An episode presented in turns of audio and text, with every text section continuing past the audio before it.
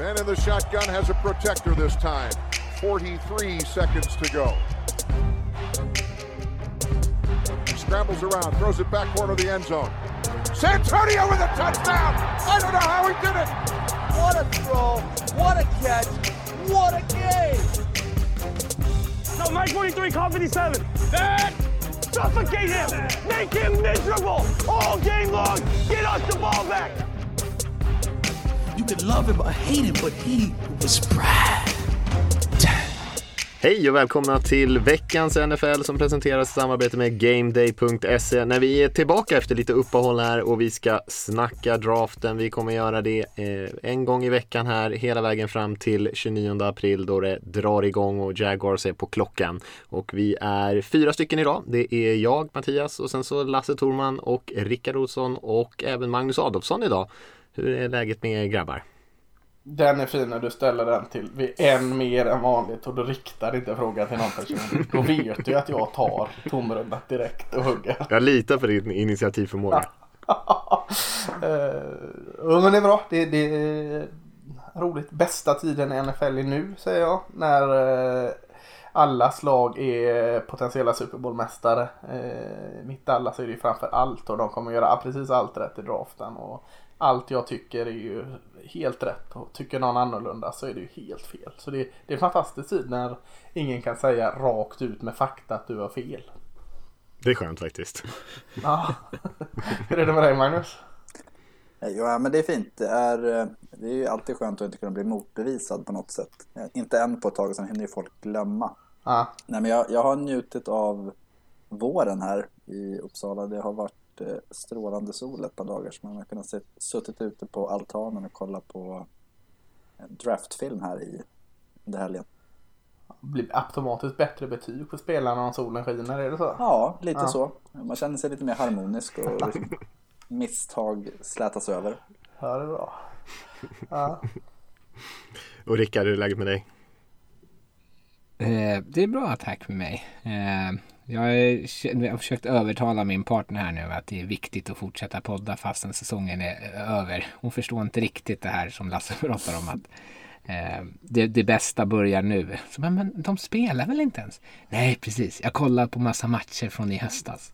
Oh, du är dum i huvudet. Ah, jag vet. Jag gör det Ska vi podda? Ja, precis. Eh, men det är bra. Det här är ju som sagt typ det roligaste. Mm. Ja, Tycker nej. du det Mattias eller? Nej men jag håller med. Det är alltid kul att eh, sitta och fundera lite grann. Kolla de här spelarna och fundera på var de ska passa in någonstans och vilka lag som har eh, laddat upp ordentligt inför nästa säsongen och så eh, Samtidigt så är det ju också allting med Free Agency som också är jäkligt spännande där det finns mycket bra spelare och det ska vi också prata om de här nästkommande veckorna. Det drar ju igång där i mitten på, på mars här. Så att vi har ju lite tid på oss och, och kolla lite vilka som finns tillgängliga där men också och sen var de, var de hamnar någonstans. Vilket också påverkar draften såklart. Eh, så eh, det är mycket som kommer hända nu de kommande en, två månaderna som liksom lägger lite mattan för nästa säsong känns det som. Mm. Och eh, innan vi kommer in på allt det där med draften, eh, vi ska prata eh, lite allmänt om årets draft idag och så ska vi också prata om en av de mer intressanta positionerna, wide receiver positionen. Men det har ju också hänt lite grejer. JJ Watt Eh, defensiva linjespelaren i eh, Texans har ju, blev ju släppt av Texans efter de kom överens om det. Han ville gärna söka lycka någon annanstans och nu har han signat. Och det var lite oväntat ändå var det nog många som tyckte. För han valde att gå till Arizona Cardinals eh, och fick en ganska bra deal där, två år, 31 miljoner. och fortfarande en bra spelare, kanske inte riktigt lika bra som han var på sin peak men, men en bra spelare fortfarande. Och det kan man nog behöva där i Cardinals ändå. Jaha. Lite int- ja, kör Magnus. Nej, men det var lite intressant att det har ju sipprat ut lite att coacher i Texans har ju pratat om att det var, jag tror det var Buffalo som hade, som ju var, så många andra lag var sugna på att få Watt till sig och då hade väl någon coach sagt att eh, ja, men han, det är en väldigt egoistisk spelare som bara bryr sig om vad han själv presterar och hela den biten. Eh, och det, jag vet inte, det kanske inte är den gängse bilden av Watt. Inte riktigt. Eh, det, inte riktigt nej, precis. Han känns ju väldigt helylle men det är ju det kanske har påverkat att han hamnade, att det kanske var färre lag än man tror som faktiskt var intresserade. Ja, Jag tror att det var åtta lag såg jag någonstans rapporterat som erbjöd kontrakt. Åtminstone.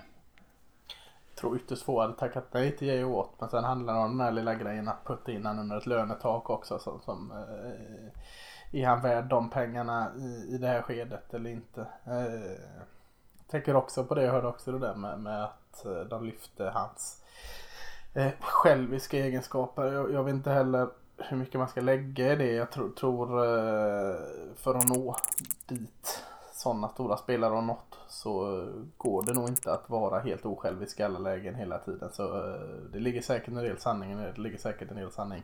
Men väldigt många av de stora namnen att man måste nog vara lite ego och lite eh, kanske kan tycka som eh, svin emellanåt. Vet ni vilka två spelare som haft, har flest sax sen Watt kom in i ligan 2012? Nej. det är ju Watt själv då såklart. Eh, Tillsammans då alltså. ja, ja, okej. Eh, nej. Watt och Chandler Jones, Mm, som också spelar i Cardinals. just det. Ja, de, Eh, Så skönt. men- Det, ja. Det är många år sedan så att det, är ju, det behöver inte vara positivt.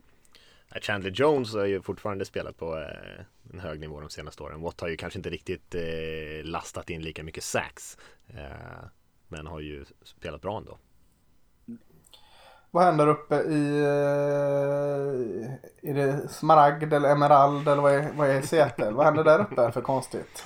Ja, det har ju varit lite, det kom ut eh, lite, först var det väl Russell Wilson, eh, quarterbacken där som själv gick ut och var ganska kritisk mot eh, hur laget hade skötts och vilka förstärkningar man har gjort, om han har fått tycka till och sådär och sen så kom, kom det ju ut lite stories, lite eh, reportage från eh, lokala murvlar där uppe som eh, målade upp kanske fanns en liten spricka mellan coachingstaben och Russell Wilson och eh, har ju pratat ganska tydligt med att han ska bytas bort. Det är ingenting som jag tror någonsin kommer hända. Men eh, till och med eh, Wilsons camp har ju lyft och vilka lag som eventuellt skulle vara intressanta om nu Seattle skulle vilja trada bort honom. Han har ju en sån här no trade clause i sitt kontrakt så att han eh, kan ju tacka nej till en trade om det skulle finnas någon sån. Eh, jag har inte tagit det på så jättestort allvar eh, men däremot är det ju kanske lite mer allvarligt att det finns frustration, att man kanske inte är överens och den typen av grejer men, men jag kan nog förstå en del av Wilsons eh, frustration ändå. Kanske inte just det här med passblockeringen som är en grej som har kommit upp utan eh, kanske lite grann vad man hur mycket man eh, värdesätter honom. Och eh, jag, har ju pratat om, jag har ju pratat om det under säsongen här att man ändå man lät ju honom kasta bollen ganska mycket i början på förra säsongen och sen så hade han några dåliga matcher mitt på säsongen eh, och då eh, ändrade man ganska mycket. Och eh, litade inte riktigt lika mycket på honom. Eh, och eh, jag tror att han tyckte att det var lite av ett svek mot honom så det varit ganska mycket dramatik där uppe. Mm. Har det inte pratats där tidigare om att, eller de här Sherman och de som har lämnat, att de tyckte att det var för mycket daltande med honom. Att det var ingen som vågade liksom tvinga honom att arbeta lika hårt som man kanske krävde utav de andra. Att han fick lite av en, eh, en röd matta. Så det kan ju bara vara det att de börjar liksom tvinga honom eh, Alltså stå, ställ, att de ställer honom till svars på samma sätt som de gör med de andra spelarna. Jo, så kan det säkert vara. Eh, men eh, som du sa där, det var ju många försvarsspelare som tyckte att, eh, att man inte vågade gå ut och kritisera honom. Och det vet man ju, jag vet inte hur mycket sanning det ligger i det. Men nu verkar det ju vara en annan melodi i så fall. Om han nu tycker att man kan, de kanske inte har tillräckligt med förtroende för honom. Så vem vet vad man ska tro egentligen. Men Ja, det är ju lite, eh, Pete Carroll styr ju med, med järnhand. Jag lyssnade på han, eh, eh, The Athletic-killen där, eh, Sean Dugar som har eh, gjort den här, den här lite mer djuplodande granskningen där uppe.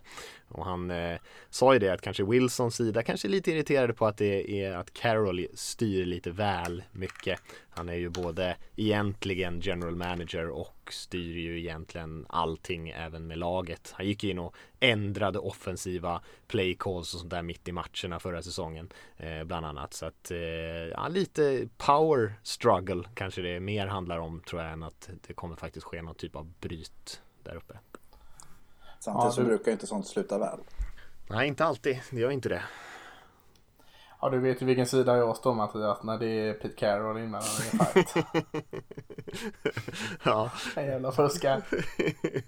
ja, det, han, är, han har ju en stark ställning såklart, Carroll. Det har, de har ju gått bra under hans ledning där uppe. Men eh, det är klart att eh, för mycket makt på, på en person kanske aldrig är bra. Nej, så är det nog. Ja, det är väl det som har varit i nyheterna framförallt. Det har inte varit så jättemycket annat eh, att ta upp. Men det, det pratas ju fortfarande mycket om Deshaun Watson, vad som ska hända med honom och eh, en hel del andra quarterbacks runt om i ligan. Det har ju såg att eh, Adam Schefter där i ESPNs insider hade gått ut och sagt, för det var ju ett tag sedan nu, men att han trodde att det kanske skulle vara uppåt nästan hälften av lagen i NFL som skulle byta startande quarterback till nästa säsong. Eh, och det är lite svårt att se hur det ska gå till. Men eh, vi lär få se lite mer grejer som händer på quarterback-positionen. Ja, känns så. Det är, mm. Men det är kul med rykten ändå. Mm. Ja, men det är det. Något måste ju hända. Även i ja. februari-mars. Eh, hörni, ska vi börja känna lite grann på draften? Eh, för det finns ju en hel del intressanta quarterbacks där också när man är inne på det. Men eh, vi kanske ska gå en liten runda och eh, tänka att alla kanske kan lyfta någonting som känns lite intressant, lite som står ut från den, just den här draften jämfört med eh, kanske tidigare drafts. Vem, vem känner sig manad att kicka igång oss? Jag, jag, kan, jag kan börja kicka igång oss. Eh, det är ju en väldigt speciell draft eh, om man kollar på eh, det stora frågetecknet som, som om man säger att det är lite rysk roulette i vanliga fall med draft. Man vet inte riktigt vad man får och vart man ska satsa sina marker. Så är det ju verkligen det i år med, med tanke på den här speciella situationen med covid och att Eh, lagen inte har alls samma möjligheter att nå ut och träffa och prata med spelarna, känna av dem på samma sätt. Det har varit en, en hackig college-säsong. Många spelare har valt att inte spela alls. Det är ingen combine och, och eh, eh man får inte sitta ner med spelarna på samma sätt heller. Eh, inte bara se de här övningarna. Så att, eh, det har ju spekulerats lite i att eh, hur värdet överlag på en sån här, jag vet inte om man ska kalla det riskabel draft, men i alla fall en draft med så mycket ovisshet, hur, mycket, hur man ska värdera den. Det pratas om att folk kanske försöker byta bort, eller folklag försöker byta bort draftval mot spelare just för att man inte känner sig trygg med sina draftval. När man byter bort spelare så tar man hellre draftval nästa års draft än denna. Och, så på det sättet är den ju unik. Eh, att eh, det kommer så mycket ovisshet med den. Men, men eh, annars så vet jag inte om jag hittar någon typ positionsgrupp som, som eh, sticker ut mer än någon annan. Eh, tycker den positionsgruppen vi pratar om idag här, wide receiver, är oerhört spännande även i år. Den var väldigt, väldigt spännande förra året. Eh, vi har de här toppkubisarna som är såklart spännande att se. Eh, det är två grupper som jag, som jag gillar med den här draften. Är det inte liksom väldigt likt eh, vad man pratade om förra året? Att det, man snackar om att det ska gå tre eh, tre eller kanske till och med fyra QBs eh, topp 10. Man pratar om att det är många bra wide receivers. Det är en bra offensiv, alltså mycket tackles, offensiva linjespelare. Ganska svag edge-klass. Nu hade vi visserligen eh, det var ju mer djupet förra året kanske. Eh, som var problemet. Vi hade ju Chase Young där. Men eh, Eh, men ändå att det där, förra året var det inte heller så många så här, självklara edge-spelare. Eh, och det är ju i år också och en, en safety-grupp som är både nu och förra året lite så här, spelare med vårtor men som man ändå tänker sig kanske man kan plocka där i andra rundan. Så jag, ty jag tycker jag ser mycket liksom, likheter mellan de här klasserna. Ja, Mm. Jag kan fylla på lite när vi ändå är inne på Receiver-quarterback-grejen eh, där för jag tycker att det i de två grupperna ser vi också tycker jag lite av det här skiftet som man har pratat om ganska länge. Collegefotbollen har ju varit länge varit det här eh, spreadanfallen, ganska mycket mm, korta passningar, screens, eh, den typen av grejer, atletiska quarterbacks och det har tagit sig ganska lång tid innan det har tagit sig in i NFL. Men jag tycker att de toppnamnen som vi pratar om i år på receiverpositionen till exempel är spelare som är, är bra på den typen av grejer. Man tänker kanske så här Chiefs-anfall, den typen av, av spelsystem. Och jag tänker även quarterbacksen så har vi ju ett helt gäng väldigt atletiska quarterbacks uppe i toppen. Eh, som alla skulle jag säga av de fyra kanske till och med fem första namnen där är spelare som också kan springa bollen själva när det behövs. Om inte springa bollen själva så i alla fall improvisera en hel del själva. Eh, så att på, det, på så sätt så tycker jag att det är fler av den typen av spelare som kanske har varit vanligare i collegefotbollen men som NFL kanske har fnyst åt lite grann. Eh, att man nu börjar acceptera det mer och mer. Eh, och sen får vi se då eftersom det är som du säger Lasse lite ovisst eh, och det gör ju också att vi från utsidan har ännu svårare kanske än vanliga fall att veta exakt hur lagen tänker och vilka spelare som kommer gå var. Men så här på förhand så känns det ju som att de som man tror kommer gå där uppe så, så hittar vi mycket av den där typen av lite mer moderna spelartyper. Mm. Alltså, jag kan hoppa in där, för, för min... Alltså det som är intressantast med att följa den här draften, det är väl egentligen att kolla produktion versus traits någonstans. Att, eh, man brukar ju alltid ha... Vi brukar alltid se de här atletiska fenomenen klättra ju närmare draft vi kommer varje år. Och nu är det ingen combine och det är pro days som kommer vara lite annorlunda och det, man kommer inte ha pratat med spelare på samma sätt. Eh, det kontra att vi har jag tycker att eh, vi snackar om det här inför just med receivergruppen till exempel. Men att vi har ju skillpositioner där man kanske är mer nischade än vad man har varit. Det finns inte de här totala paketen som är jättebra på allting. Eh, det ska bli otroligt kul att följa liksom hur dels det här produktion versus eh, eh traits men också om det kanske gör att man säger men vi vill ha den här lilla kryddan i vårt lag. Så vi tar in den typen av spel. Jag tycker att det går att se även i försvaret också med linebackers och edge framförallt. Mm. Att det finns de som är rätt bra på vissa saker. Att man ser att ja, men det där elementet behöver vi. Att det, det, det ställer ju otroliga krav på, på hur lagen har scoutat spelare. Men jag tror att de som är duktiga på det kommer ha en fördel av en sån här draft. Mm. Mm. Det där är intressant för hela den här best player available grejen som man ofta pratar om som kanske känns lite trött egentligen med tanke på att alla lag letar ju faktiskt inte efter samma spelartyper för det mesta.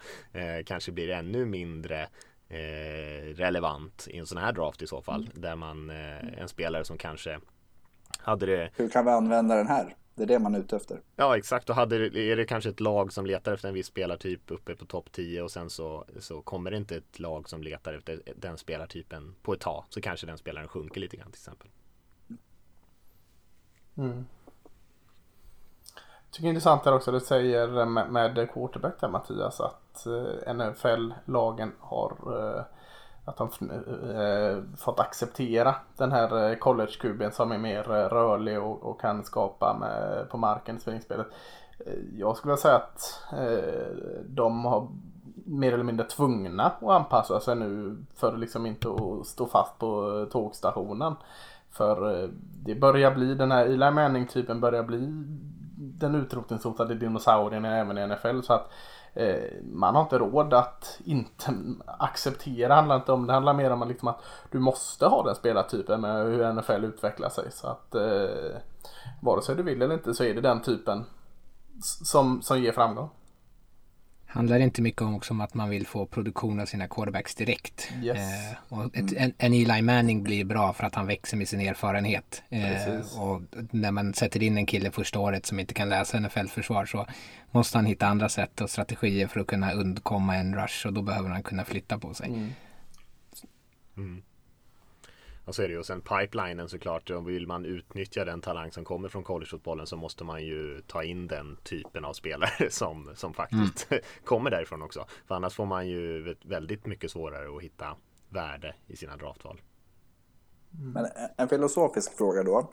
Man tänker att nu är ju trenden att om man, man ser ju extremt många underclassmen, alltså redshirt sophomores och juniors som kommer ur college för att gå till NFL. Eh, och man ser en, ett kortare tålamod bland NFL-lagen med dessa yngre och yngre spelare. Kommer vi... Alltså man, practice squad växer ju i takt med... I år var det väl var det 13 spelare man fick ha.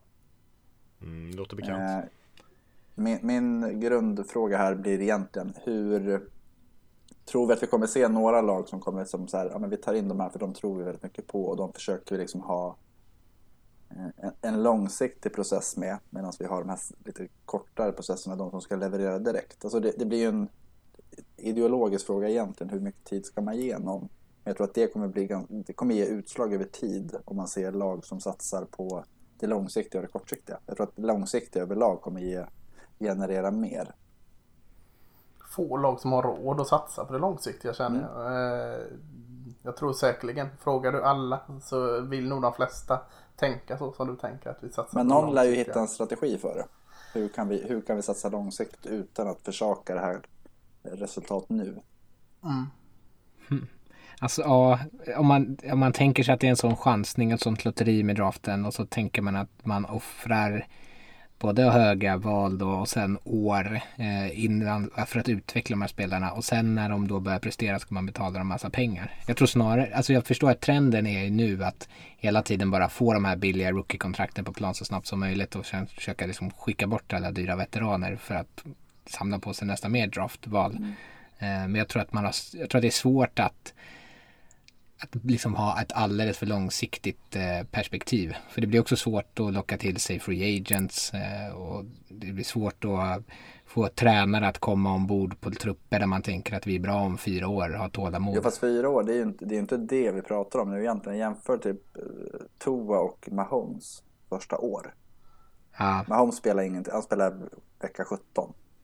Eh, Tua, honom vill man redan liksom skicka.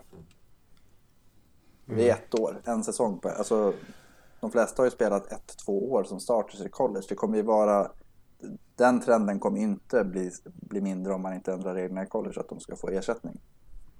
Att det, det kommer ju vara de som spelar ett år. Det är ju fler och fler Nej. sådana spelare. Och det är det jag tänker någonstans att eh, tålamodet, det är ju inte fyra år man pratar, det är ju ett, två år med de här spelarna oftast. ja, men det är väl det som är problemet då. Förmodar jag att du menar. Att man inte har ett större tålamod med en spelare som Tua utan att det redan nu pratas om att Miami skulle behöva se sig om efter en ny QB. Ja, nej, men eh, dels är det problemet, men jag tror vissa lag kommer börja utnyttja det. Att man kommer plocka spelare som man säger, men dig tror vi på över, över tid. Att det handlar ju lite, alltså just det här, draften överlag handlar ju om att kunna någonstans förutspå framtiden. Eh, Och sen när man väl har valt en tror- spelare så handlar det om att kunna ha tålamod med den, den första tanken. Jag tror ju att lag har ganska långsiktiga perspektiv redan idag. Eller att man tänker sig att med i första rundan så har man en spelare som förhoppningsvis bidrar första året men åtminstone är där på plan andra, tredje året. Och i, liksom, ju senare man blir, kommer i rundorna desto se, liksom, mer investerar man i de här atletiska Ja, löftena som man känner att han kan inte prestera just nu men ger vi honom tid. Jag tror det handlar ganska mycket också om att kunna hitta en roll till de spelare som inte är färdigpolerade också. Alltså de behöver inte vara, de behöver inte vara lagets bästa spelare men de skulle ju kunna, alltså särskilt några av de här kvickare spelarna som kanske inte kan springa ett komplett route tree för de har spelat i något spread-system. Då måste man ändå kunna utnyttja deras atletiska förmågor i sitt anfall på, på något annat sätt. Eh, och det krävs ju liksom en relativt flexibel coachingstab tror jag. Eh, som kanske inte kan ställa så här höga krav på spelarna direkt. Eh, rent eh, att de ska kunna liksom en, en bredd. Ehm, eh, så det är väl lite, lite båda de grejerna. Att man liksom kan använda spelarna medan de utvecklas också. Ja, nej men intressant. Eh, ja, ni sa, ni var inne på det där lite grann. Ganska starkt på eh, offensiva skillpositionerna och eh, offensiva linjen. Kanske lite svagare på försvaret. Har vi någon stark position på försvarssidan i år? Eh, Jag tycker linebacker. ja, jag vågar knappt säga linebacker längre. För jag har alltid 35 personer som jag vill sätta 80 plus på. Här, så att, eh, tack Magnus för att du sa det först. Eh, linebacker tycker jag också är en, en, en fin position i år. Jag, jag hade inte eh, rynkat på näsan om det gick fyra linebacker i första rundan. Oj, Ja, det hade jag gjort. Ja, kan, ja tre. jag gillar ju Nick Men, men jag tycker linebacker och edge, tyck, alltså du sa att edge är svag, jag tycker ja den är svag men det, alltså just de här eh, situationsspelarna finns ju ganska mycket av. Och framförallt sådana som man tror skulle kunna bli ganska bra. Du har ju inte Chase Young i årets draft. du Nej, har ju inte det- Miles Garrett i årets draft. Men du har väldigt många som eh, i 10 till val 50. nummer 15 till val nummer eh, 40. Där, där har du väldigt många Mm. som känns rimligt att de går där och, och kan prestera redan första året. Så att Mm. eh, djup edge draft eller topp, hur fan ska jag säga man? Toppdjup låter konstigt utan den där riktiga toppen. Toppgrund med djup, Ja. bre, ha Toppgrund med djup, bredd, djup. Krypgrund. inte ens jag förstår någonting. Nej, men det, precis. Det, det, det, känns ju som att det kommer dyka upp några som kan producera direkt. Ja, nej men från eh, mitten av runda ett till eh, mitten av runda tre finns det väldigt mycket spännande edge. Mm. Mm. Eh, och eh, jag skulle också kunna tänka mig eh, innan vi kommer in på receiven här att, att, just eftersom vi har en lite speciell free agency också och vi har ett lägre lönetak än, än vanligt att det kanske till och med är så att det är en del rätt mycket rookies som kommer starta och som ni var inne på är många av de här som är relativt högt eh, ansedda här i draften har ju kanske inte alltid jättemycket erfarenhet. Många kanske inte har spelat den här säsongen eller så har de spelat kanske ett begränsat antal matcher den här säsongen och sen så har vi ju bara ett par spelare som inte har startat så, så mycket helt enkelt eh, än som de hade spelat i år. Så eh, eh som säkert kommer vara tvungna att fylla någon typ av roll. Så det, det blir nog ett ganska speciellt år eh, vilket som. Mm. Ska vi, eh, så som vi tänker att vi lägger upp den då, att vi tar en eller två positioner per avsnitt här som vi brukar göra och eh, vi kör ju egentligen toppnamnen och sen så lite krydda på det kan man väl säga och eh, lägger till lite extra namn som vi tycker känns intressanta och eh, vi har ju alla vår egen ranking av eh, de här positionsgrupperna men vi har ju också en gemensam på nflsupporter.se där jag tror att det ligger drygt 150 prospects någonstans redan med någon typ av analys och ett betyg på. Och vi utgår från den listan som vi har där, för det är ändå en gemensam eh, och pratar om de spelarna som är topp 5 framför allt och sen så fyller vi på helt enkelt med de namn som vi tycker att vi också borde nämna eh, eller som vi, eh, vi gillar. Och sen så kanske vi också lyfter eh, några spelare som vi eh, individuellt kanske tror eh, ja det där är en överskattad spelare. Det där är en spelare som eh, är mycket risk att det, det kanske inte blir så bra som, som alla hoppas. Eller kanske någon spelare som man kan hitta lite senare som vi tänker det där kan bli en sån här diamond in the rough någonstans. Och mm. Ska vi börja uppifrån kanske? Det känns ju kanske mest logiskt ändå och enklast att hänga med på.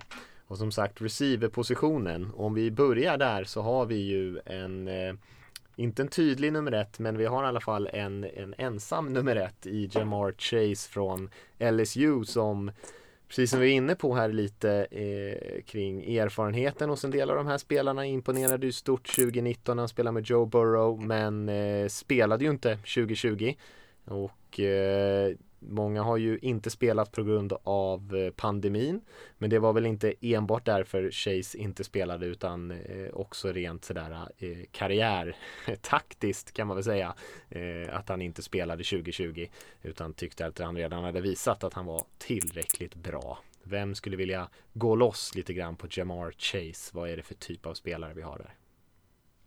Ja, vill du eh, gå loss Mattias eller? Ja men det kan jag väl göra. Eh, ja. Nej men som sagt bara ett år egentligen av ordentlig produktion men då var han ju riktigt, riktigt bra. Vann ju också priset för årets college receiver då den här Fred Biletnikoff Award och eh, jag skulle säga att det enklaste sättet att beskriva honom på tycker jag är väl att han är en väldigt fysisk receiver.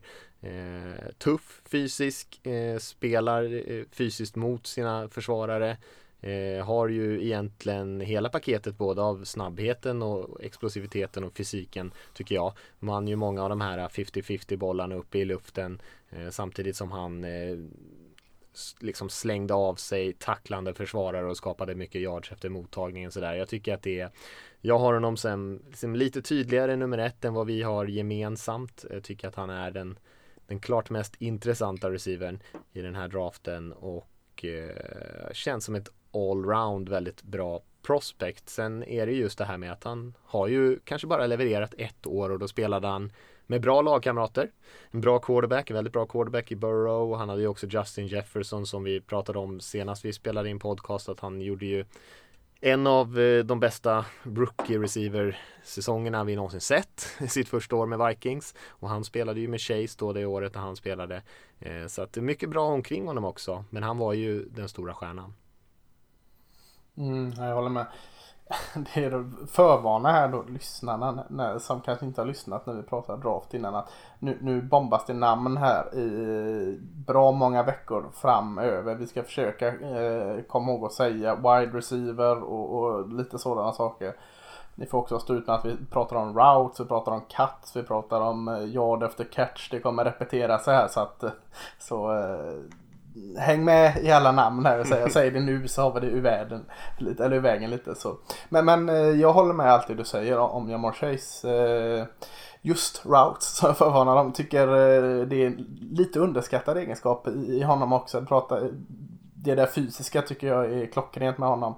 Eh, men jag tycker hans slipade routes eh, väldigt bra på att anpassa sig eh, lite av vad som ges för honom i sina routes. Eh, låter kanske lite konstigt men eh, tyckte jag såg det som en fin egenskap. Sen, sen en sån här stjärnspelare som han ändå är så är han inte alls orädd åter in i det fysiska du pratar om Mattias. Att, att göra det kanske mindre glamorösa jobbet i blockeringsspelet både när det kommer till pass och springs så är han osjälvisk i det. Eh, han slutar inte spela bara för att han inte är spelaren som ska göra spelet utan han blir skitig och eh, blockerar både i pass och spring tycker jag är båda gott för framtiden att en sån tydlig stjärna gör det jobbet också. Så att eh, jag har också Jamon Chase som etta på min lista.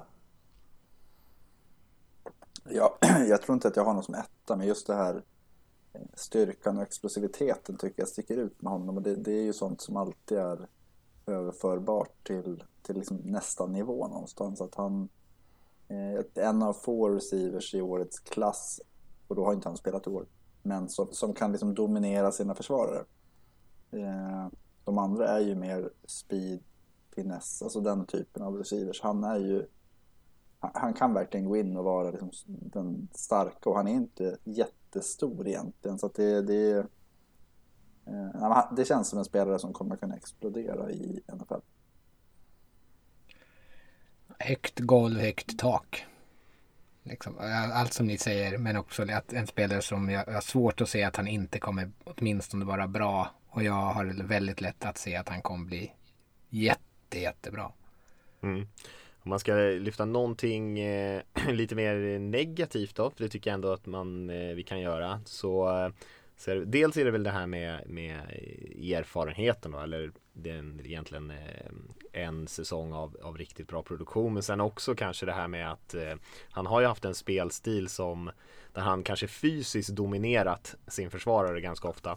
Han kommer ju möta mer fysiska försvarare när han spelar i NFL och eh, det är väl det enda frågetecknet jag har egentligen om den spelstilen kommer funka lika bra på nästa nivå eller om han kommer vara tvungen att eh, kanske bli ännu bättre på de här lite mer klassiska receiver eh, liksom tekniken att, att skapa sig separation utan att kunna eh, använda sin, sin kropp riktigt lika mycket på det sättet att han liksom eh, kanske trycker ifrån sig försvararen eller vinner 50-50 bollar.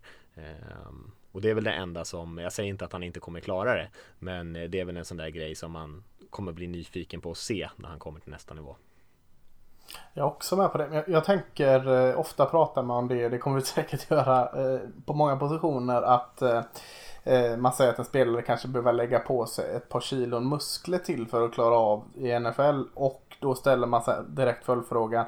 Är det på bekostnad att han inte kan spela som han har gjort på college för att han kanske är eh, snabb jäkel som kanske inte kan vara eh, lika snabb med, med lite mer tyngd på sig. Men jag ser inte riktigt det som problemet med Jamar för att eh, han har en ganska bra ax och fart men han är inte den där superkvicka spelaren. I varje fall lever han inte på det. Så att jag tror att eh, han, han, kan bygga lite muskler och fortfarande se exakt eh, lika spännande ut som han har gjort i eh, college. Eh, så att jag håller med i det du säger men jag, jag tror det är ganska lätt åtgärdat.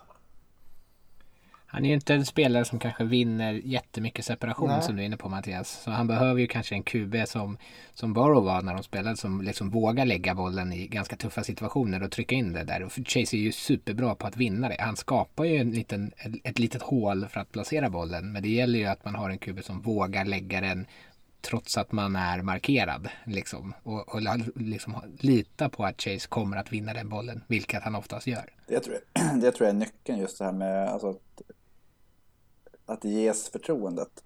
Har en, alltså, Gardner Minshew till exempel, han hade ju absolut aldrig någonsin gett förtroende för att han måste eh, se det, se det och kämpa för sin mm. plats någonstans. Så att det handlar ju om att, att eh, det tar ju tio sådana kast innan man har förtroende för en spelare och det, Eh, Chase kommer ju vinna majoriteten av sina, sina dueller, men han måste få förtroende att göra det, annars så blir han ju ganska meningslös. Ja, han skulle passa bra med Mac Jones, men han kommer vi inte senare, quarterbacken i Alabama. Det vore jättesjukt om de hamnar i samma lag. Ja, eh, för om vi säger det, han är ju, han är ju väldigt, väldigt bra på också eh, anpassa sig till bollbanan, att fånga de här back shoulder-kasten eh, och liksom skapa den här lilla ytan han behöver eh, efter routen så att säga. Eller precis vid, vid hans liksom break. Ehm, men en, en väldigt intressant eh, och spännande spelare och en av kanske få spelare som är en relativt klassisk receiver-typ ändå får man säga eh, i den här draften. Eh, som vi var inne på där så kommer vi ju in på några spelare här som kanske är lite mer finesslirare finess-lirare än vad, vad Chase är. Ehm, och tvåa på vår lista har vi en av två Alabama-spelare som är topp tre och det är Devante Smith som eh, vann Heisman-trofén Eh, för ja, första gången sen, jag tror att det var 91 senast en receiver vann den. Eh, brukar vara mycket quarterbacks där annars. Och eh, han hade ju en eh, spektakulär säsong här senast för, för Alabama såklart. Eh, vad kan man säga om honom? Ja, men jag, jag kan eh, beta av det jag tycker är, är, mindre bra med honom då direkt så har jag det i väg, eh, vägen här direkt. Eh, han är ju lite för liten, lite för klen, ser lite tunn ut, lite Tänker Tom Bradys klassiska bild när han draftades. Och så sätter du det på Devonte Smith för han, han är inte den här vad heter han som var i D. Metcalf-kroppen direkt. Eh, så det tycker jag man kan få, få vara lite skeptisk mot att han är lite klen. Eh, men eh, han har så oerhört många egenskaper som väger upp för det. Och att vinna Heisman och inte vara QB det krävs något speciellt för att göra det. Och oerhört bra route runner. Just hans liksom direkt från line of scrimmage egentligen när han tar sitt första steg. Eh, följer upp det med explosiv och smidig rörelse. Gör att han egentligen direkt, direkt skapar separation eller får cornerbacken att ha jäkligt svettigt att kunna markera honom. Eh, ska inte säga att han är direkt snabb, han är inte långsam men just den explosiv, explosiviteten och kvickheten tycker jag är oerhört eh, fräckt att se. Eh, bra händer. Eh, tycker jag också kan eh, sägas. Och, och, känns smart. Eh, liksom hur han eh, läser av eh, sin markering och bollbana fint och anpassar sig i sina routes då efter det. Så att eh, eh, oerhört sevärd spelare. Som, som, hade man varit väldigt tråkig så är det en sån här collegestjärna som eh, man kanske får lite mer rädd för NFL med. Men jag väljer att inte vara det. Alltså, det första ordet som dyker upp för mig är verkligen lekfull. Att det mm. känns ju som en, en intelligent spelare med rätt fysiska attribut för att få uttryck för hur jäkla kul han tycker det är att spela. Mm. Så det, det, är verkligen en ja, men som du var inne på Mattias, att det är inte vanligt att en, en receiver vinner Heisman. Och eh, han, han, gjorde det ju liksom utan snack egentligen, känns det som. Att det var, han var så otroligt dominant i ett väldigt dominant lag.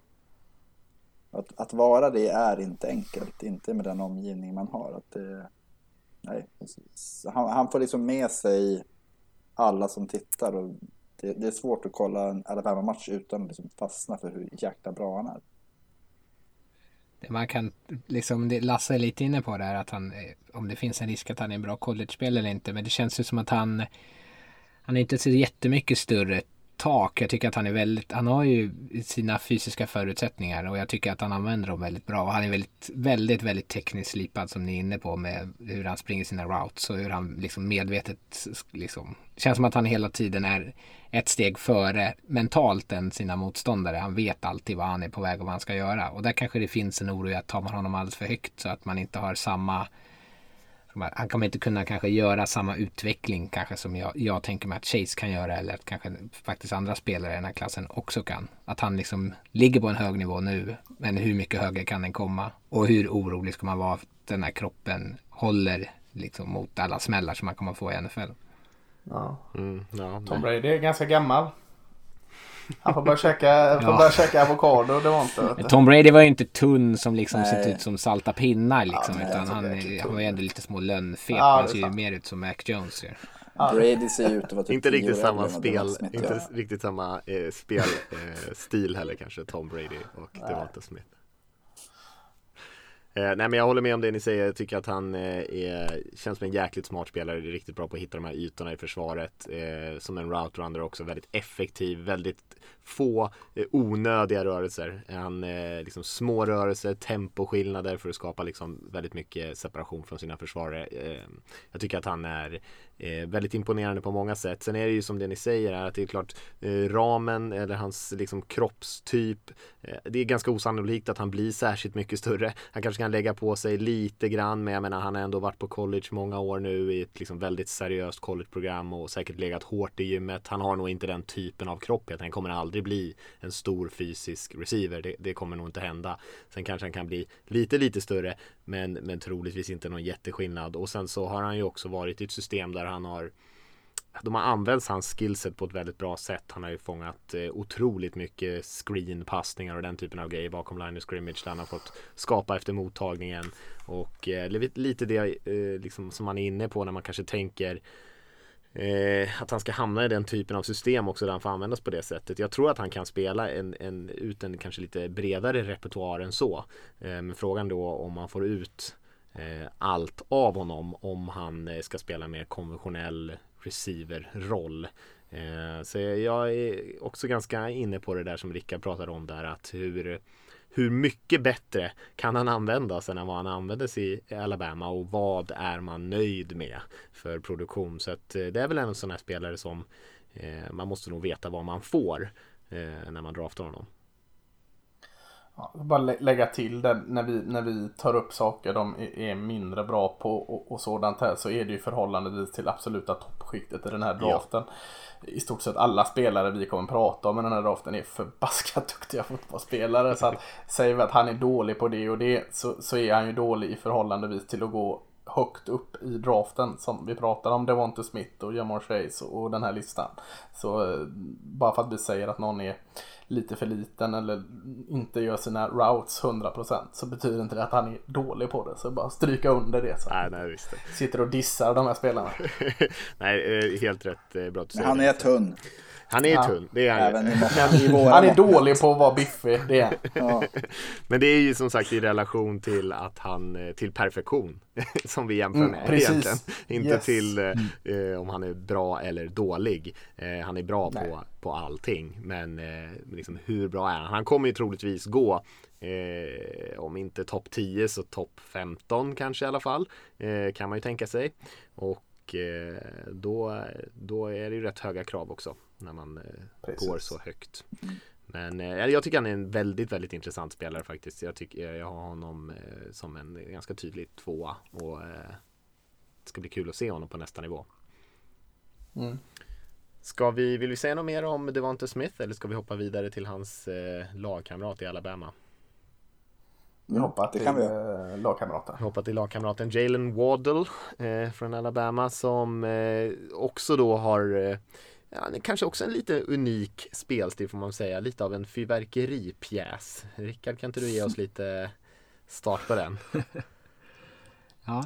Eh, ja, han är ju en, nu, han missade han ju en del av årets säsong, vilket var helt synd. Eh, för han började ju rätt eh, rejält bra också. Eh, Devonta Smiths eh, produktion kanske inte hade sett likadan ut om, om Waddle hade spelat. Eh, men en väldigt snabb receiver, väldigt duktig på att skapa separation eh, med sin fart. Eh, alltid ett, djup, alltså ett hot djupt. Jätteduktig tycker jag på att hitta bollen över axeln. Han har pålitliga händer. Han springer sina routes och återigen det här är jämfört med perfektion så är det kanske dugligt. Det är inte riktigt på samma nivå kanske som jag tycker mig se när jag kollar på Smith och Chase. Men tillräckligt bra och jag, han har väldigt mycket snygga fakes och såna grejer. Små, så här, små kropps eh, rörelser liksom som gör att eh, försvaret hela tiden måste tveka. Och eftersom att han är så snabb så kan han liksom utnyttja det på ett bra sätt. Eh, så det är liksom det som hjälper honom kanske att få den här separationen. Eh, jag satt, när jag tittade, det är så lätt att man jämför med så tidigare spelare. Så satt jag och kollade, för han påminner ju lite om Henry Ruggs, ja. eh, tycker jag. Kanske inte den här lika explosiva starten som jag tyckte jag såg med Ruggs. Men å andra sidan starkare i kroppen och bättre på att skapa separation. Även liksom kanske på kortare routes och mer i mitten av planen. Ruggs har inte riktigt samma förmåga att bryta i sina routes och så. Ehm, jag kan tycka ibland att han är lite svårt att komma av press, eh, Waddle. Eh, och sen är det ju inte kanske oroväckande, men det är bara så anmärkningsvärt att de designar mycket spel för att han ska få boll. Eh, och det kanske man kommer behöva göra i NFL också om man ska få liksom kanske den produktionen som man eh, har sett honom ha på college. Eh, och sen sån en liten detalj att han, han är också en väldigt bra returner så man kommer ju kunna få någon på plan omedelbart åtminstone i special teams även om man inte känner att man har liksom lyckats utmejsla en roll i anfallet för honom. Mm. Jag kan tycka att eh, det är nästan fair att säga att han kanske är den bästa atleten i den här draften. Eh, I alla fall en av dem. Och mm. eh, jag skulle nästan kunna tänka mig att man skulle kunna dra vissa liknelser till Tyreek Hill till och med.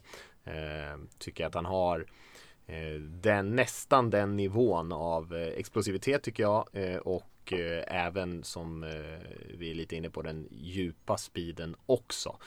Och så har han ju spelat lite av den rollen också. Att han har kommit mycket på de här eh, jet sweeps och sådana här bakom line of scrimmage där han har liksom fått bollen i full fart i när han liksom springer, springandes i sidled och sen liksom fått skapa. Eh, och jag tror att eh, om man eh, utnyttjar honom på det sättet så kan han nog vara väldigt, väldigt produktiv. Eh, men i, kanske inte heller den här klassiska receiver-typen. Han är ju under 1,80, lite mer satt än vad Devonta Smith är, men, men fortfarande ganska kort. Mm. Det, är, det, är, väldigt intressant, måste vi ta upp här då eftersom eh, Rickard tog upp Henry Ruggs som jämförelse. Att förra året så gick ju eh, Jerry Judy och Henry Ruggs högt i första rundan, båda från Alabama här nu pratar vi redan alltså topp två och topp tre i vår lista här. Alabama, Alabama. Eh, bara det är imponerande, jag vill bara säga det.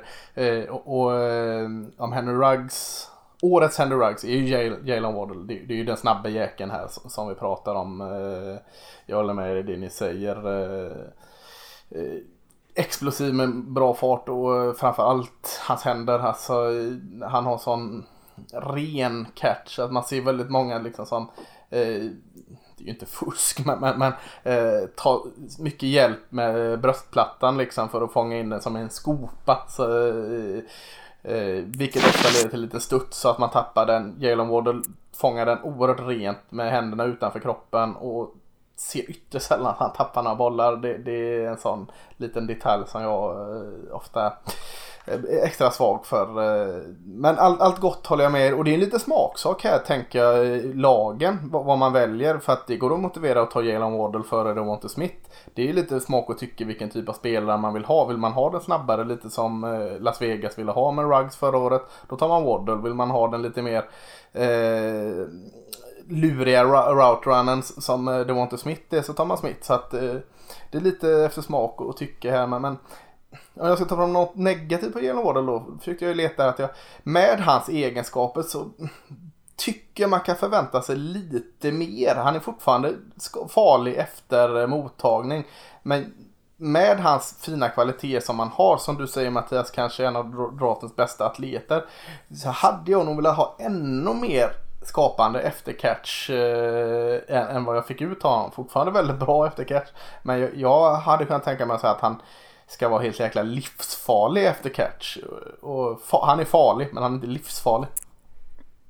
Men en annan aspekt av som jag funderar mycket på är eh, Chase, han spelar ingenting i år. Waddle, han spelar fyra matcher tror jag det var. Och då var han statistiskt sett så var han ju överlägsen av alla receivers. Han var väl på väg mot typ 1900 yards över säsongen i mottagning.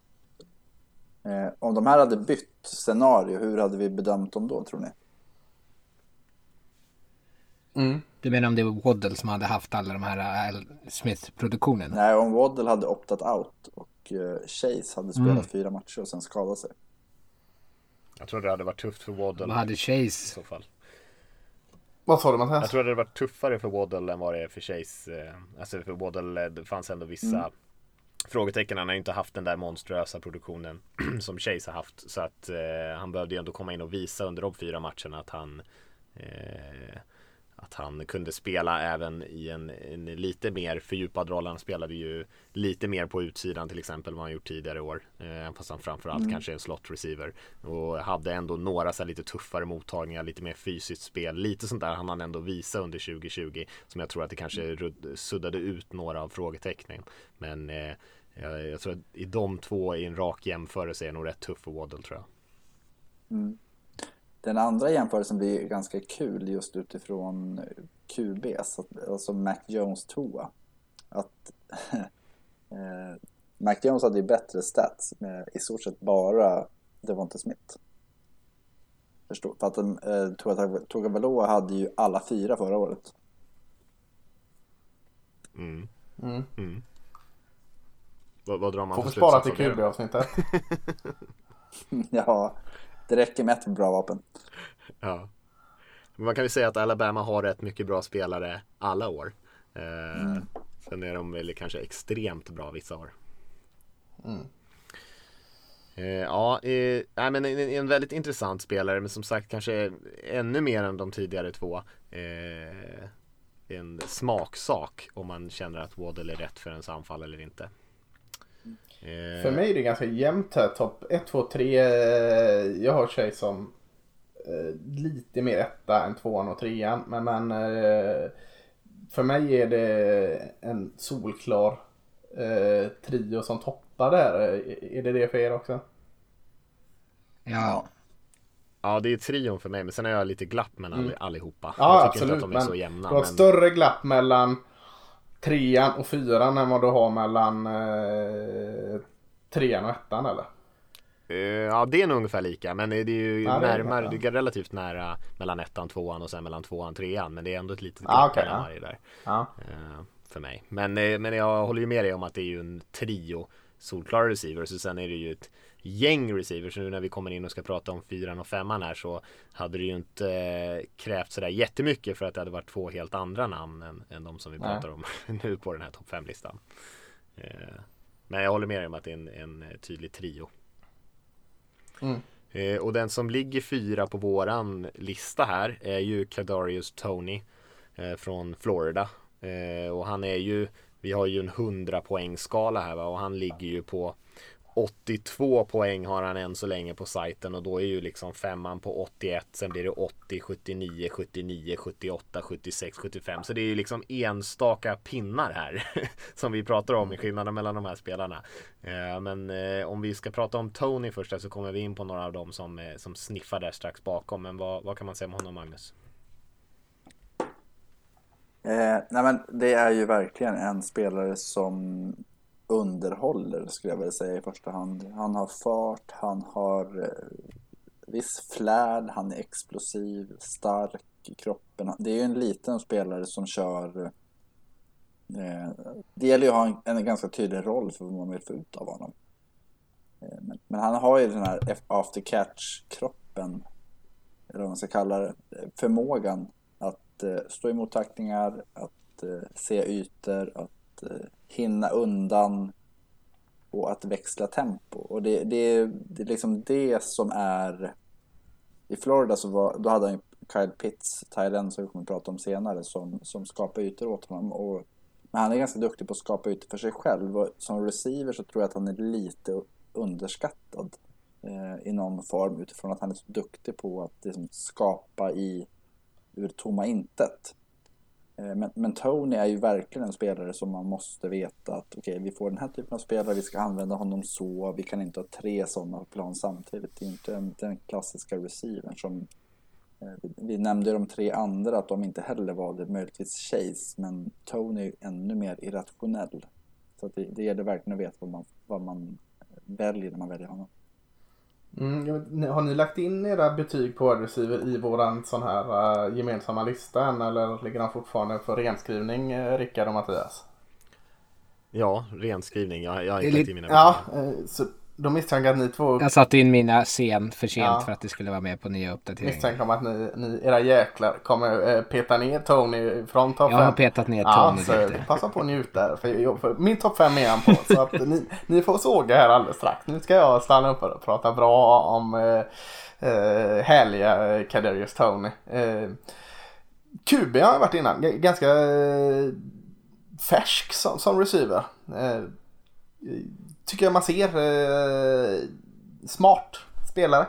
Eh, oerhört hal eh, och smidig och eh, god på det sättet. Han är lite som en studsboll eh, före och efter catch. Eh, kan gå lite vart som helst egentligen. Eh, vilket också är en nackdel för att eh, han är också som en studsboll i sina routes ibland. Han, han är slarvig i routesen. Det, det, det, det är en nackdel. Eh, Eh, men jag väljer att se det som något gott. Han- är, han är inte eh, den snabbaste spelaren rakt ner på planen. Men eh, Katsen är fina, snabba små kats och, och rörelserna på små ytor är, är, är jag oerhört imponerad av. eh, eh Så jag gillar väldigt mycket av just eh, Tony. Han, han eh, Eh, Pitts nämner Magnus här och och Kubin fick väldigt mycket beröm. Men jag tycker Kadarius Tony var Floridas viktigaste spelare i offensiven eh, i år. Helt klart med, med hans eh, eh produktion. Och, och med tanke på att han inte har allt för jäkla många år på nacken som receiver så, så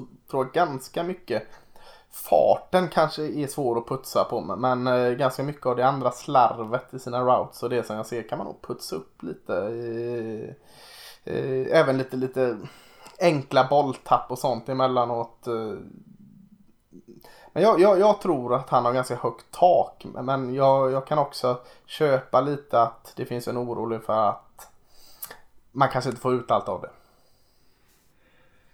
Alltså jag, eh, jag tycker ju ändå om Tony på något vis. Det som kanske gör att jag har sänkt honom lite lägre än vad ni har haft honom är väl att jag, jag, jag håller med om att han var en viktig del i anfallet. Men jag tror att han behöver ha en annan spelare som tar mer uppmärksamhet eller som skapar de här ytorna åt honom. Jag, jag tror inte att han kan gå in i ett anfall och vara ett, liksom, en nummer ett receiver utan han är en tvåa och behöver liksom någon annan måltavla. Han kan inte bära ett anfall, ett passanfall på egen hand. Ehm, sen eh, och jag håller ju med om det du säger. Han är, han är en studsboll. Eh, jag kan tycka att hans routes är ganska roliga att kolla på. För han ser lite ut som när man tittar på de här skojiga Twitter-videosarna när någon är ute på någon äng ska försöka trolla bort någon och så springer han en route som tar så här 17 sekunder för att han håller på och svänger fram och tillbaka överallt. Och, och det är lite så han springer. Det- Jag kan tänka mig att det är otroligt påfrestande att spela med honom för det är ingen timing i det. Utan han gör lite olika grejer och sen helt plötsligt så är han jätteren. Eh, men då gäller det att man, att man hittar honom då. Eh, han skulle ju aldrig kunna, Tom Brady skulle ju bli galen.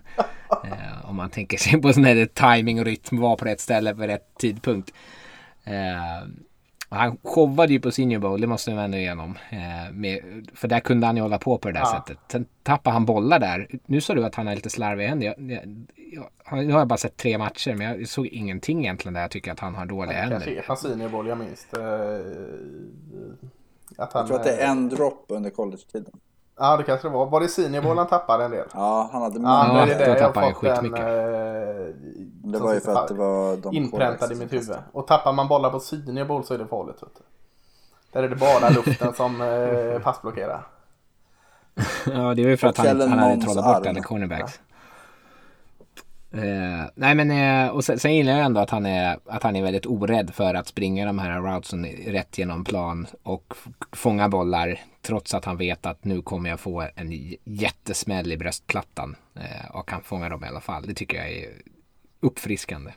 Mm. Han är ju tuff för sin storlek. Eh, men lite sådär, eh, jag har också kanske lite lägre betyg än vad vi har på sajten på honom. men- Men jag gillar det som ni lyfter också som positiva delar. Sen är det väl det här med att han har ju varit ganska mycket av ett offensivt vapen. Kanske mer än en, än en eh, klassisk receiver. Han har ju kört mycket av de här sweepsen också. Han har ju varit returner. Han har ju ställt upp en del som running back. De har ju liksom, han har ju sprungit mycket kortare routes eh, mitt över banan där han bara egentligen försökt skaka av sig sin försvarare.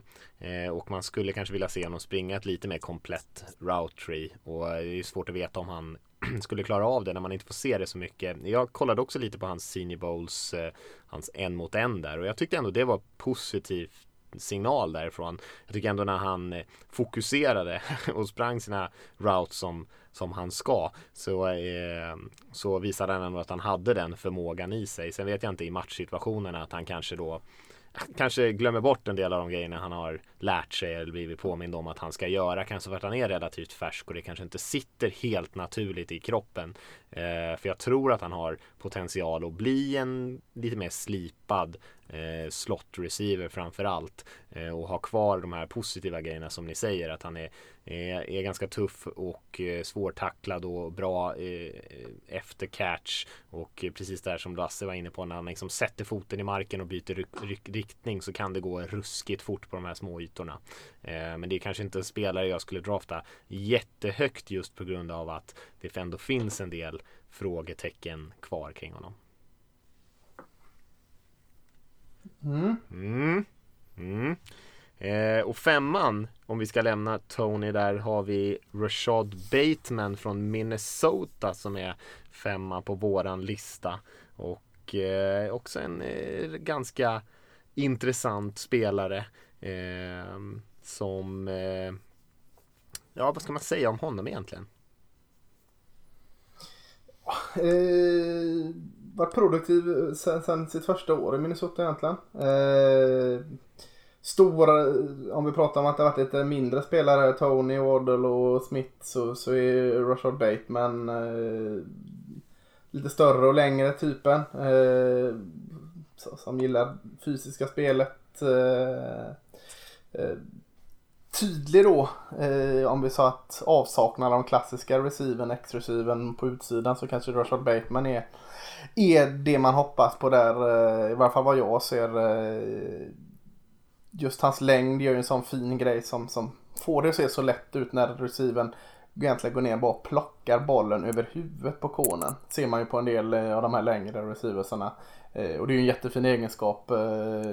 Ger ju inte konen chans att ta den egentligen. Jag såg det först när jag kollade i, spel i efterhand på honom. Eh, att eh, jag tycker han har väldigt fina routes också. Det hade jag helt förbisett innan. Eh, såg bara de här fysiska egenskaperna innan. Så, så det blev jag positivt överraskad av i efterhand. Eh, eh, lite som eh, Smith här tar ett väldigt cleant och bra första steg in i sin routes eh, ofta räcker det till att skapa eh, separation. Eh, Snygga cuts också ska jag lägga till sen. Eh, för han är inte direkt snabb, det är inget, han är inte långsam, det ska jag inte säga, men det är ingen speed i han utan det är nog mer att han, han eh, startar sin route så snyggt och eh, vältajmat så att eh, kommer undan på att kanske inte vara den snabbaste. Eh, eh sen är han större och då, då kommer alltid den här eh, kan kanske se lite osmidig ut ibland efter catch. Eh, jag vet inte om Rickard sätter sin stämpel på stela höfter-stämpeln här men, men eh, kan vara lite, kännas lite stel ibland och hamnar ibland lite svacke tycker jag. Eh, stundtal stundtals kan han försvinna ur en serie. Eh, inte bara att kuben inte kastar på honom utan att han, han inte är öppen eh, och inte gör sina routes så bra. Kanske lite brist på koncentrationen emellanåt men ja, helt klart spännande receiver tycker ändå han är ganska kvick av sig. Ja, men det är Jag skulle, Bra jag skulle hellre spela... Nej, kanske inte. Jag, jag, jag känner hon, jag, jag, tycker inte att han känns som en sån klassisk receiver på utsidan. det är mest för jag, vet, alltså jag, jag skrev ju i våra, vi har ju en liten chatt förstås. Jag skrev ju att hans match mot Iowa är fan det sämsta jag någonsin har sett. Mm. Eh, och det var den första matchen jag kollade på. Han har hur mycket dropp som helst. Eh, och så ser han så allmänt ointresserad ut. Så kollade jag någon annan match direkt efter där han typ hamnar i så en mot en situationer med bollen ut mot sidlinjen. Och så istället för att ens försöka liksom springa förbi eller springa över så bara kliver han ut på sidlinjen i typ fyra spelrad. Och så sitter jag och slår händerna i bordet och blir galen. Eh, ja, så jag, jag började... Ja, jag hade dålig smak i munnen och sen så kunde jag inte släppa det när jag tittade på dem. Och här är också en spelare vars, där mitt betyg inte har kommit in än och jag kommer att eh, dra honom vid anklarna stackarn. ja. Inget gott att säga om honom har du eller? jo, jag, jag håller med om att, att jag tycker att han är också väldigt bra direkt av linjen. Han är väldigt hal där ändå, aktiva fötter och jag tycker att han är lite så här eh, ja, som du säger, kvick liksom. Får med sitt första steg separation. Vinner väldigt mycket bollar via slants. Eh, och sen tycker jag ändå att han kan skapa en del efter mottagning, även om han inte gör det på samma sätt som Tony kanske. Mm. Eh, men eh, jag vet inte. Alltså jag har svårt med spelare som inte liksom är aggressiva, eller inte aggressiva, men som liksom skyr kontakt på det sättet. Mm. Mm. Ja, nej, eh, jag, jag gillar honom ändå en del. Eh, men eh, som eh, Rickard kanske är inne på lite Jag tycker att han gör mest av sin skada någonstans i mitten av banan ändå. Och det är ju mycket de här slant routesen, crossing routes och såna här grejer. Och jag tycker han kan få upp lite speed när han galopperar där med sina relativt långa ben ändå. Men han är ju inte sådär super explosiv tyckte jag i alla fall. Eh, och sen så sa jag det, skrev jag också till er i den här chatten, att jag, jag tyckte att det saknades ganska mycket av en vertikal liksom, dimension i hans spel, i alla fall 2020, att han inte hade mycket av det här djupa spelet, men det kanske hängde lite på vad han hade omkring sig där också i Minnesota 2020 och gick tillbaka och kollade lite matcher från 2019 där han hade en mycket mer av den varan i alla fall. Och det är ju positivt att se att han kunde göra det, men jag ser det kanske inte heller någon sån här topp receiver i Bateman. Jag tycker att det finns kanske lite mer att plocka ur honom som han inte har visat än. Men att han i nuläget kanske är mer en, en smart, eh, stabil eh, och eh, bra route runner och, och, ganska bra spelare som säkert kan vara produktiv om man hamnar i, i ett bra system. Eh, men kanske inte en spelare som man draftar och tänker att han ska vara nummer ett receiver på utsidan. Mm. Nej, verkligen inte. Och det, det, är väl det som är grejen någonstans med, med eh, uh, receivers överlag. Att man måste ju välja vad är det vi ska använda honom till. Eh, Bateman är snabb. Han sprang eh, under 4.40 på sin 40 yard dash och det är ju väldigt snabbt. Eh, han, han har ju egentligen alla kvaliteter som krävs för, för att bli en produktiv spelare och någonstans så tror jag att eh, man ska aldrig skylla på omgivningen med Minnesota. Det, det, är ju inte ett powerhouse och det är som sagt stor skillnad på 2019 och 2020. Jag ser mycket Michael Thomas i honom. För det var samma, samma sak man pratade om Thomas i Ohio State när han kom ut därifrån. Eh, då handlade det mer om att Thomas inte var... Eh, det var så många hot som fanns där omkring honom. Men med, med Bateman så tror jag att det kommer vara en Alltså man ser ju ganska tydligt vad han är bra på. Är, men jag tycker alltså om man är snabb då, som man är då, man springer tiden, är ju snabb. Men jag tycker fan, jag ser han sällan vinna med sin speed alltså. Det, Nej, men, då är han dålig på att nyttja sin snabbhet. Ja, eller så är det att motståndarna är duktiga på att stänga den för att det finns inga ja. andra hot. Mm, ja, jag tyckte han gjorde det ganska bra 2018-2019. Eh, jag, jag, tror att i hans fall så handlar det om att jag tycker att han springer routes så att han, han skapar separation tidigt och han, han har liksom den här förmågan att skapa yta. Vi, vi snackar ju om Chase, liksom att det handlar om en, en QB som, som ser det och utnyttjar det. Då är det här en chain mover av, utan dess like. Så det, det är ju, Michael Thomas är ju det. Han spelar med Breeze och han...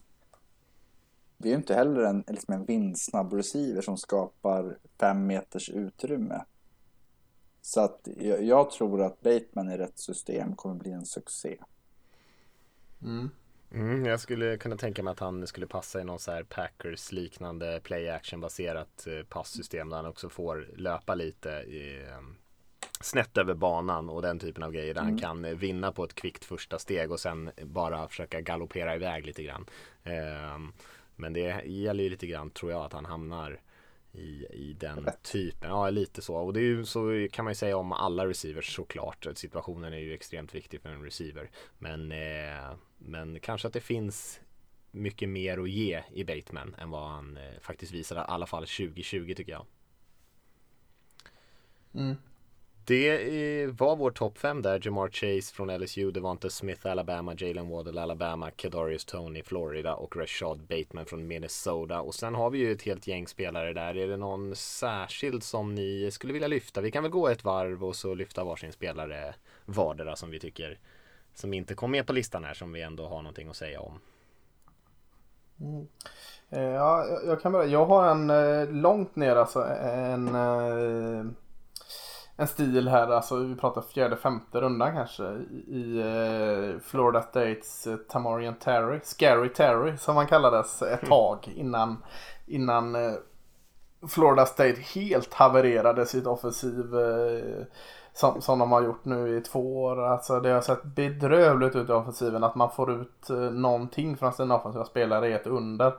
Han har dessutom dragits med skador 2020 så att eh, ingenting på honom 2020 som, som lockar alls. Eh, och har inte fått visa sig allt. Men, men det man har sett innan 2018 och 2019 är ju oerhört spännande attribut. Han lång, stor receiver eh, som tillsammans med eh, storleken eh, har bra fart, fin acceleration, eh, atletisk, eh, oerhört farlig i den djupa bollen och eh, skapar mycket med fart efter mottagningen och den farten i kombination med fysiken är, är sådana där egenskaper som, eh, det är den här atletiska chansningen som, som man absolut ska göra i fjärde och femte rundan. Eh, så jag tror mycket Tamarion Terry kommer inte drafta så högt på grund av en del skadeproblem eh, sitt sista år och på grund av att han har blivit dåligt coachad i två år i Florida State. Men han har de här speciella egenskaperna som får man ut rätt, kommer han under en bra coach så eh, kan det vara ett jäkla fynd i fjärde, femte rundan. Mm. Har vi någon annan spelare som vi vill lyfta? Ja, jag kan, och jag, jag tänker också, jag går också gärna lite längre ner i lådan för jag tycker det är lite kul. Eh, jag, när jag kollade på Senior Bowl så eh, fastnade jag för en spelare som heter Josh Palmer. Eh, som, eh, så här, om man tänker på att vi har pratat just nu om alla de här små slot-receiverna så är han ju snarare en stor receiver som ska spela på utsidan som jag tänker mig att han, han var kanske inte en jätteproduktiv college-spelare. Han är inte jättebra på allting han gör där men jag tror att han blir ett bättre proffs för att han han, han, han, har hittat det han är väldigt bra på och kan man utnyttja det tror jag han kan bli bra. Och det är att han är stor och han är jävligt fysisk. Han är före detta basketspelare. så eh, och det syns i liksom hur han vet och han ska liksom, skär, liksom använda kroppen för att skärma av och liksom skapa utrymme på det sättet. Eh, vi kommer inte vinna med så här sjuka routes men jag tycker han sprang det dugligt på, på Senior Bowl. Eh, men liksom ett vapen som man kommer kunna våga lägga bollar på eh, i endzone. Och någon som liksom, ja, alltid kommer liksom hänga, känns som en spelare som kommer kunna hänga kvar utan att kanske vara liksom det här största namnet. Josh Palmer är ju exakt, jag håller med dig Rickard också. Josh Palmer är ju exakt som Tamarian Terry. Alltså kommer från ett eh, bedrövligt offensivt system där ingenting har funkat i Tennessee. Stor ja. och, och, och, fysisk utsidoreceiver som liksom som du säger, man har nog bara skrapat på ytan. Han, han, har inte, han har inte ens fått en chans att visa upp vad han kan. Han fick en chans att visa upp i senior ball och eh, det gjorde han ju verkligen. Så jag är helt med dig och det är exakt samma situation som båda de kommer från. Eh, en situation där de inte har fått göra annat än att springa och vara förbannade för att ingen någon gång kan få iväg en boll. Lasse? ja. Josh Malone. Ja, också Tennessee. Fin. Det var, var inte lite samma diskussioner där? Jo, han har, han har varit bra. Uh... Ja, ja. Ja. Vad är ni Bengals? Ja, inte vet jag. jag kan lyfta en spelare eftersom jag, anar vem Magnus kommer lyfta. Så jag kan lyfta en spelare som kanske är med på mångas listor annars. Så det är ju Terrence Marshall från eh, LSU som har spelat på andra sidan av Chase där. Det är ju, vi har ju två ganska tydliga wide receiver eh, college-fabriker här i LSU och Alabama som har producerat många toppspelare på senaste åren. Eh, men, eh, men det är också en större receiver som har eh, roterat runt och spelat många positioner i det anfallet där. Eh, ser lite loj ut tycker jag, men jag har förvånat tror jag en del försvarare med, med att han har en ganska bra toppfart ändå och har gjort rätt mycket stora spel. Jag tycker han gör ett ganska bra jobb där också, följa bollen i luften och, och, och vara ganska spektakulär. Sen har han ju haft en del eh, koncentration drops. Han kan se lite sådär oslipad och lite sådär eh, förvirrad ut ibland tycker jag när han springer igenom zonerna och, och eh, finns saker absolut att jobba på. Eh, men eh, en spelare som har ganska mycket eh, fysiska attribut inte minst att, att bygga vidare på tror jag kanske i NFL. Och har ju varit där uppe och sniffat bland 5, 6, 7 eh, där någonstans rankad bland receivers i årets draft. Mm. Mm. Eh, du tänker att jag ska ta Amon St. Brown då antar jag? Ja, jag tänkte, Eh, tänkte det. Jag hade tänkt att Dwayne Eskridge från eh, Central Michigan är va? Ja men ta honom. Med Western Michigan. Western Michigan. Nej, jag, jag tar St. Brown för jag, jag tycker att han är värd att lyftas och det är ju en spelare som mycket väl kan gå i runda ett. Eh, och, och någonstans så... Ja, du var inne på det Lasse, när vi pratade inför, att USC har blivit väldigt, väldigt bra på att ta fram receivers som syns. Eh, och St. Brown är i min värld en receiver som är jätte, jättebra även när han inte syns. Så han, han hade ju en typ fem matcher i år utan touchdown. Sen hade han sju på de sista tre eller något sånt där. Eh, det, det som är någonstans grejen med St. Brown, han har ju en brorsa i Green Bay va? Equ- Equanin Q St. Brown. Okej. De jävlas med oss, de jävla familjerna. Ja, nej men då, det är någon, han, den tredje brodern spelar i Stanford, på Stanford tror jag. Får men fan eh. St. Brown är ju verkligen den här typen av, jag jämför honom med Julius Smith-Schuster som också kom från USC för några år sedan. Och det, är, det är den här som kan göra allting som oavsett roll så blir han bättre i det. Och eh, Tittar man på Amon Ra så är, ju- är det ju verkligen en kille som kan skapa separation. Han kan skapa separation på olika sätt. Både med, med intelligens, kvickhet, snabbhet. Han hittar liksom en lucka att bli spelbar. Och Den egenskapen är ju, den går inte att träna sig till tror jag. Eh, det, det är få som har liksom den förmågan. Och, och samtidigt så är han en tuff spelare. Så att det är ju... Eh, tar, ja, men jag som Ravens-fan så är det ju verkligen så här, det är ju en drömspelare för det är en kille som kommer blocka de här 95 procenten av springspelen och sen i de övriga 5 procenten så är han spelbar. Eh, och, det, och det är ju en lyx att ha den typen av spelare och det eh, ska man ha någonting emot honom och det, där tror jag du och jag tycker olika Lasse, så är det att han är lite ojämn. Nej, jag tycker, jag, alltså, jag tycker han har blivit mindre ojämn än eh, vad han var eh, tidigare. 2019 tyckte jag han var betydligt mer ojämn än vad han var 2020. Och för, och för mig så blir ju den ojämnheten handlar ju mer om så här, vad, vad är det vi kan få ut av honom? Skulle man få ut max, då är det en spelare för topp 20 säger jag. Ja, jag håller med. Men eh, är det, är det så att han är ojämn kontinuerligt så är det då, då kan han få lite svårare tror jag. Topp 25. Typ. Nej, jag, Och Ravens väljer 27 så att Nej men jag- jag, sa det inför när vi spelade in men det, för mig är det en spelare som är klockren att väl, vä- välja i runda två och sen så får man extrem utdelning när han lyckas. Ja, jag tycker att han... Jag gillar St. Brown. Ja, jag med. Jag tycker att han känns, jag tycker inte han är så flashig. Eh, jag vet inte om han har så jäkla högt tak, men jag, jag tycker att han känns väldigt allround. Han är en eh, väldigt bra route runner också. Eh, kanske inte någon sån här superduper atlet, men ändå har den här kroppskontrollen och den typen av atletisk förmåga. Kanske inte den snabbaste spelaren på plan, men jag tror att han kommer bli en produktiv spelare. Jag nämnde ju när vi pratade inför Keenan Allen till exempel, den typen av spelare som, eh, som är liksom bra, produktiv och som kanske till och med kan överprestera eh, kanske vad hans draftposition blir i slutändan. Jag tycker han och Devonte Smith är ju de som eh, för mig sticker ut mest när det kommer till snygga routes alltså. Mm. Oerhört bra route run. Ja, vad säger ni?